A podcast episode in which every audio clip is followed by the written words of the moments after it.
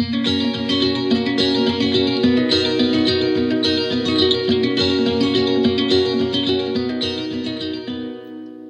til Danske Bankers, podkasten for deg som vil vite hva som rører seg i markedet fra uke til uke.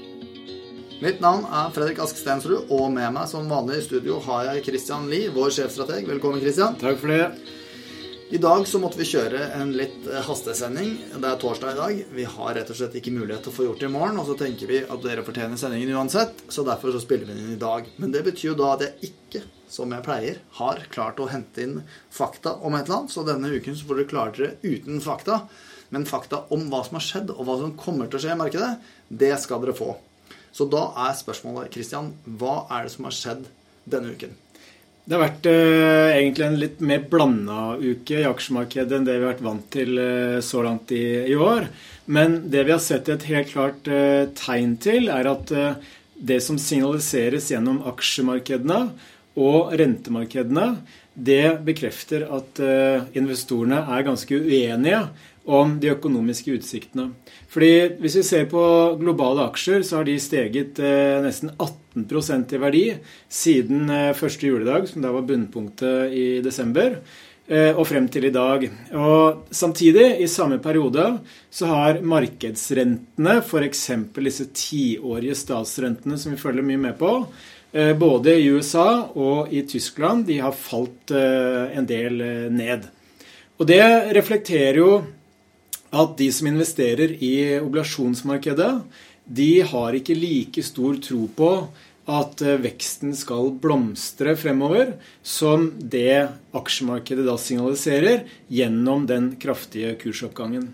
Og vi har en ganske klar formening om at uh, ingen av de to kan ha rett samtidig. Og vi tror faktisk at ingen av dem har rett, nemlig at aksjemarkedets optimisme synes noe overdrevet i øyeblikket, og at den voldsomme kursoppgangen sannsynligvis vil avta noe fremover. Det betyr ikke at vi er negative til aksjemarkedet f.eks. på tolv måneders sikt. Vi forventer fortsatt mellom 5 og 7% avkastning i globale aksjer neste tolv månedene, dog målt i lokal valuta. Eh, samtidig så tror vi at eh, det rentemarkedet signaliserer, som er ganske depressive eh, vekstsignaler, det er også overdrevet. Og at vi fremover de neste månedene vil se at rentene begynner å stige igjen. F.eks. i USA så vet vi at denne viktige tiårige amerikanske statsrenten, som er kanskje verdens viktigste rente, som nå ligger på rundt 2,67 den tror vi kommer til å stige til 2,9% innen 12 måneder. Så ikke en sånn voldsom oppgang. Men det vi vet, er jo at gjennom 2018 så var jo høyere renter en viktig eh, utløsende faktor for en del markedsturbulens eh, i, i aksjemarkedet. Så det er én kilde til uro. Og den andre er det at veldig mye i aksjemarkedet, altså av både økonomisk og politisk risiko. Da tenker jeg på handelsavtale med USA og Kina, brexit, alle de dårlige økonomiske tallene. Der prises det egentlig inn et veldig positivt utfall.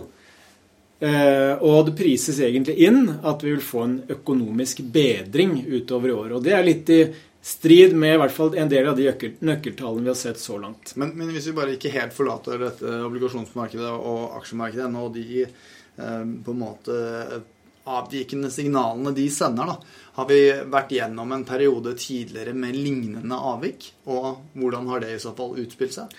Ja, vi har eh, sett det tidligere. Og hvis man går langt tilbake i historien, så har nok eh, obligasjonsmarkedet oftere hatt rett enn en aksjemarkedet, men det har også vært tilfeller der det har vært eh, omvendt. Så hvilket marked som får rett denne gangen, det, det, vet vi jo ikke, men vi tror altså på en gyllen middelvei, at begge har litt feil. Eh, at aksjemarkedet signaliserer litt for mye optimisme, og at rentemarkedet signaliserer litt for mye pessimisme. Halvarrogant av oss, men det skal vi vel kanskje være. Ja, det er litt arrogant. Mm.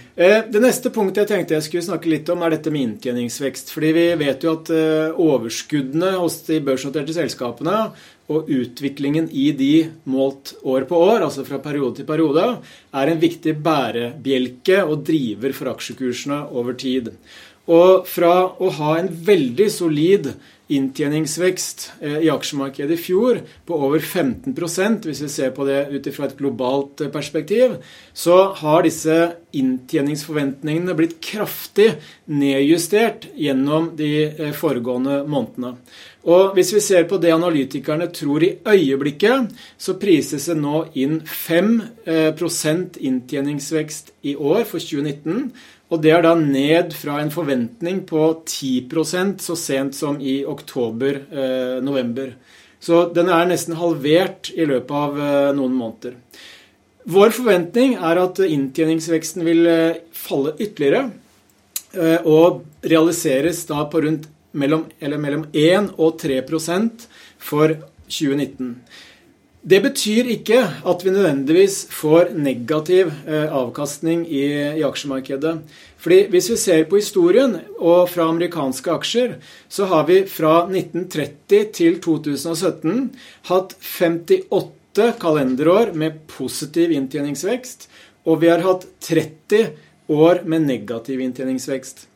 Det som da er det kule her, det er at i 23 av de årene med negativ inntjeningsvekst, så steg aksjemarkedet. Og i 13 av de årene med positiv inntjeningsvekst, så falt aksjemarkedet. Så av 88 år så var det kun 36 som det var negativt i? Ja. Det neste eh, punktet, og det siste i dag, det er eh, rekken av eh, svake nøkkeltall fra økonomien. Og de fortsetter egentlig å, å tikke inn eh, pent og pyntelig. Eh, og stadig flere nøkkeltall eh, har egentlig vært svakere enn det som har vært forventet av analytikerne. De svakeste nøkkeltallene som vi har fått den siste tiden, det er bl.a. fra Tyskland, hvor vi ser at denne PMI-en fra industrisektoren, som vi har snakket mye om tidligere, ledende indikator for industriaktiviteten fremover, den har bikket eh, ytterligere under den magiske 50-streken, som da indikerer tilbakegang i økonomien. Og også fra Tyskland så har vi sett at ordreinngangen til, Tyskland, til tysk industri også viser veldig, veldig svake nivåer. Vi har også fått eh, enkelte svakhetstegn fra eh, amerikansk økonomi, eh, bl.a. i boligmarkedet, men det tror vi ikke er starten på noe mer alvorlig. Vi forventer fortsatt grei utvikling i amerikansk økonomi i år, selv om vi også har sett enkelte svakhetstegn der. Men vi pleier jo egentlig bare å peke på negative ting når det gjelder makro i danske bankers. Så derfor så tenkte jeg det var på tide å varsle om et par lyspunkter også. Fordi vi har nemlig sett eh, tegn til eh, stabilisering. Det kan være noen små grønne skudd som vi har sett fra kinesisk økonomi. Og det går rett og slett på utlånsveksten i januar, som faktisk var rekordhøy. Og det tyder på at myndighetene er i full gang med å eh, tråkke på gasspedalen for å stimulere økonomien.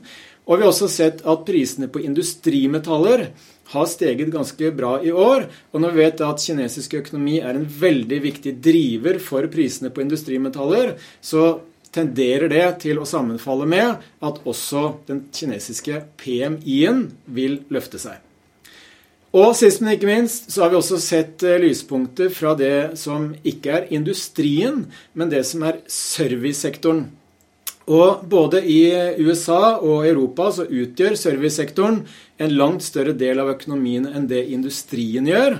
Og selv i den skadeskutte eh, europeiske økonomien så så vi nå i februar at service, altså aktiviteten i servicesektoren faktisk steg og indikerer ganske hyggelige, robuste nivåer. Det store spørsmålet når vi da ser såpass stor svakhet i industrien, men en god utvikling i servicesektoren, det er jo hvor lenge eh, kan unnskyld, industrisektoren være svak før dette begynner å gå utover sysselsettingen. Og da kan det begynne å få påvirkning på forbrukskapasitet og igjen servicesektoren. Så dette er en sånn fin runddans. Men det var greit å ta med et par lyspunkter. Ja, du, du, var jo på vei til å prøve å grave deg ned i gjørma igjen der, så jeg må ikke la deg fortsette for lenge. Jeg måtte jo hente inn eksterne gjester forrige uke for å klare å få noe ordentlig positivitet i studio her. Men det er klart, vi skal være realistiske. Det er det som er vår jobb. Så, så vi får prøve å holde oss til det. Men hva er det som skjer neste uke, Kristian?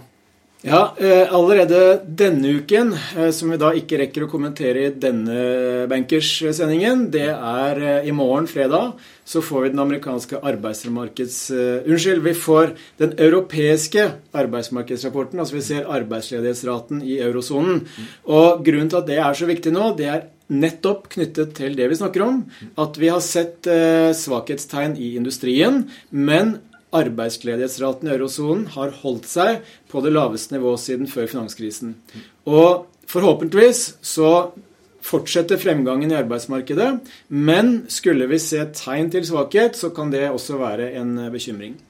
Fredag, også i morgen, så får vi den amerikanske ISM-indeksen, som jo alle vet er en variant av PMI-en. Eh, den tror vi kommer til å vise fortsatt rimelig bra nivåer for den amerikanske industrien.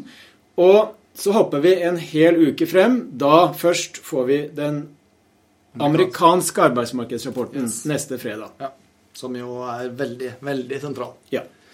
Og det kan jo da nevnes at eh, for de av dere som merker at vi er litt opphengt i disse PMI-ene og gjerne vil høre mer om det, så er det bare å gå tilbake et par episoder i eh, Bankers-arkivet, så finner dere en egen PMI-episode hvor vi virkelig dykker ned i dette. Jeg skal ta markedsbevegelser siste fem dager og også oppsummere de eh, tre viktigste sakene for neste uke. Men først så må vi selvfølgelig til aksjeolympiaden 2019. Eh, der var jo ikke du til stede forrige uke Christian, for å gjøre noe valg på dine posisjoner. Så i utgangspunktet så ba jo Ole kjenner du fra DNB om å ta posisjonen din. Det eh, sa han at han ikke turte å tippe på, så jeg måtte rett og slett gjøre det, jeg. Så da tenkte jeg Ok, jeg skal i hvert fall ta noe som henger i hop med de tingene som han sa. Han var jo da ekstremt eh, positivt, særlig til Kina. Så jeg valgte å gå long brick for deg, og så gikk jeg short oljeprisen for meg. Eh, du fikk en negativ avkastning på 1,1% så det var jo en nydelig treff der fra min side. Og så fikk jeg en positiv avkastning på 1,6% på min eh, korte posisjon i olje. Det gjør ikke de helt store utslagene likevel, for etter ni uker så er du opp 7,4 og jeg er opp 0,9% så jeg har litt å ta igjen. Klar ledelse. Helt klar ledelse til Hamar der. Hva vil du gjøre for neste uke, Kristian? Ja, Da er det å huske de reglene dine da. Ja, Du må bytte posisjon. Eh, ja, jeg, jeg, tror at mye av medvinden som har drevet aksjemarkedet nå, er i ferd med å løye. Nå har vel hatt sånne korte posisjoner uh, og vært negative de foregående ukene òg. Ja. Men uh, jeg beholder en uh, viss skepsis og tror norske aksjer skal ned neste uke. Ja, det stiller meg i en litt vanskelig posisjon der. Jeg for jeg kan jo ikke beholde min korte posisjon i uh, olje, så da jeg shorter Dagsen for neste uke. Ok. Takk skal du ha, Christian. Da tar jeg markedsbevegelse siste fem dager. Da har vi OECBX opp 0,6% SNB 500 opp 0,3% Eurostock 600 flatt og oljeprisen ned 1 eh, De viktigste sakene for neste uke, da tar jeg først de to viktige sakene som skjer i morgen. Og det er da arbeidsmarkedsrapport fra eurosonen klokka 11 i morgen. Og vi får også da US, eh, ISM fra USA klokka 4 i morgen. Og det desidert viktigste for neste uke, det er den amerikanske arbeidsmarkedsrapporten som kommer halv tre da neste fredag igjen. Det var alt vi hadde i ukens episode av Danske Bankers. Vi høres.